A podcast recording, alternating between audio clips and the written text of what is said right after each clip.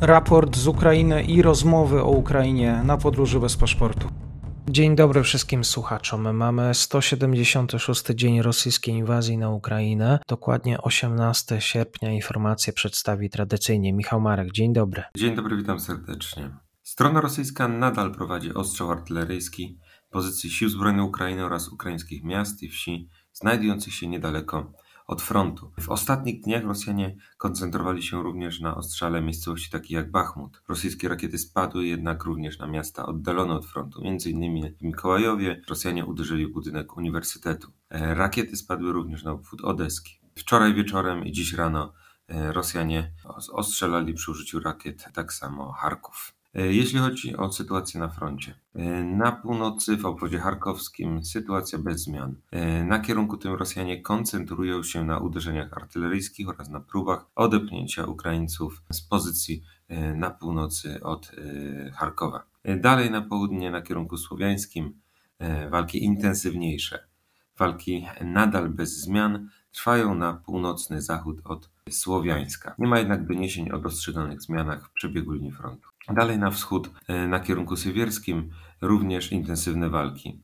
Rosjanie nadal atakują na całym odcinku od Bilohorivki po e, Horliwkę. Tutaj brak doniesień o sukcesach Rosjan, jeśli chodzi o ostatnie dwa dni. Sytuacja nadal jest trudna, lecz nie doszło do wyraźnego przesunięcia się linii frontu. Rosjanie nadal atakują e, w kierunku centrum Soledaru oraz w stronę Bachmutu. Dalej na południe Rosjanie nadal starają się odepchnąć Ukraińców od Doniecka. Wyjątkowo intensywne walki nadal toczą się o miejscowość Pisky, bezpośredniej e, okolicy. Większość miejscowości, zgodnie z doniesieniami, znajduje się pod kontrolą strony e, rosyjskiej. Przebieg linii frontu nie uległ jednak dostrzegalnej zmianie, jeżeli chodzi o ostatnie e, dwa dni. Odcinek południowy bez zmian na odcinku zaporowskim relatywny spokój, brak doniesień o sukcesach strony rosyjskiej, odczuwalna intensyfikacja działań jednak na południe od Doniecka, chodzi o okolice Wuchledaru. E, na kierunku hersońskim Ukraińcy nadal nacierają mm, od północy, od Krzywego Rogu. Nie ma jednak dostrzegalnych przesunięć linii frontu.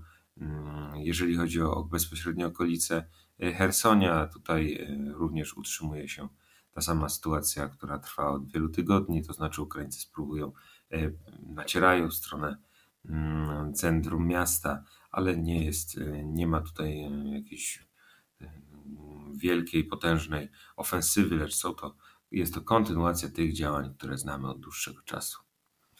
Jeśli chodzi o front wojny informacyjnej, 16 i 17 sierpnia Rosjanie aktywnie upowszechniali poprzez swoje ośrodki propagandowe oraz osoby kooperujące z nimi e, fake newsy o rzekomym planie e, nadania ulicy e, Belwederskiej w Warszawie imię Stepana Bandery.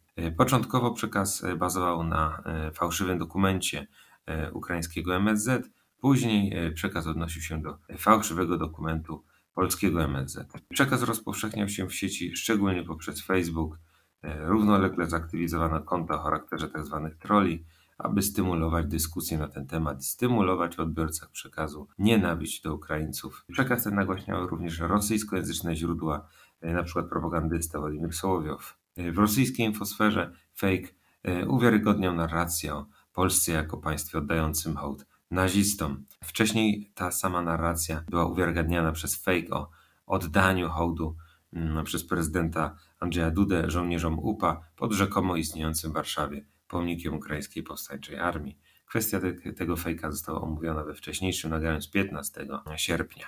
E, działania wydają się być skonsolidowaną próbą stymulowania w Polsce skrajnie negatywnego obrazu e, Ukrainy i Ukraińców oraz negatywnego obrazu proukraińskich polskich elit politycznych. De facto jest to stymulowanie e, poparcia politycznego wśród obywateli naszego państwa dla partii i środowisk prorosyjskich. Równolegle do powyższych działań Rosjanie nadal wzmacniają przekazy propagandowe kreujące obraz Ukrainy jako państwa nazistowskiego. E, w tym kontekście wczoraj wypowiedziała się Maria Zacharowa, rzeczniczka rosyjskiego MSZ. Stwierdziła ona, że korzenie współczesnej Ukrainy sięgają bezpośrednio UPA. Jest to element deprecjacji obrazu Ukrainy, fałszowania historii, spłycania tysiącletniej historii kraju do czarnych kart okresu II wojny światowej oraz jest to element uwiarygadniania przekazu o nazistowskim kijowskim reżimie, z którym dla dobra ludzkości zmaga się Rosja. No w tej wizji rzeczywistości Polska jest krajem, który tylko pozornie odrzuca kult UPA. Jak twierdzi Zacharowa, Polacy wspierają Ukrainę, wspierając Ukrainę, de facto wspierają kult UPA.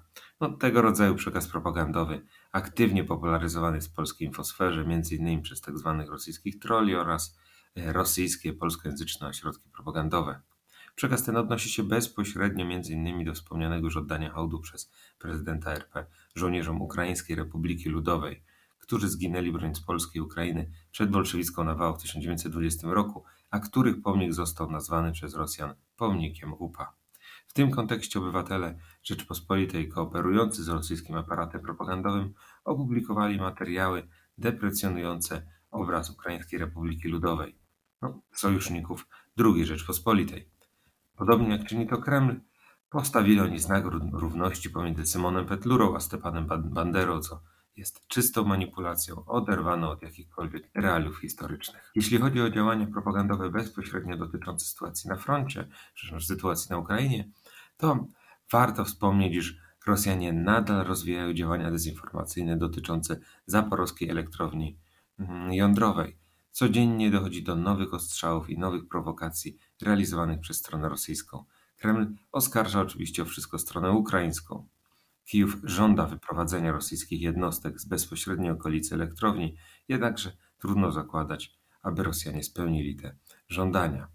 Rosjanie wykorzystują daną sytuację do budowy negatywnego obrazu Ukrainy, szczególnie na Zachodzie. No i oddziaływanie to sprowadza się do straszenia, do budowy tego podprogowego przekazu o Ukrainie jako stronie zagrażającej, stronie, która może doprowadzić rzekomo do mm, wybuchu reaktorów jądrowych i przez to skazi cały region, czy też wywoła całe zagrożenie dla całej e, Europy. Podsumowując, najcięższe walki od Horliwki do e, Posoledar, tu sytuacja nadal jest trudna, choć w przeciągu ostatnich dwóch dni nie doszło do dostrzegalnych zmian w przebiegu linii frontu. Na pozostałych odcinkach, pomimo trwania walk, brak zasadniczych odczuwalnych zmian. W obwodzie hersońskim inicjatywę przejawiają Ukraińcy, na odcinku południowym i północnym sytuacja nie jest jednoznaczna, na wschodzie inicjatywa leży po stronie Rosjan. Podsumowanie Michał Marek, 18 sierpnia. Bardzo dziękuję. Dziękuję bardzo.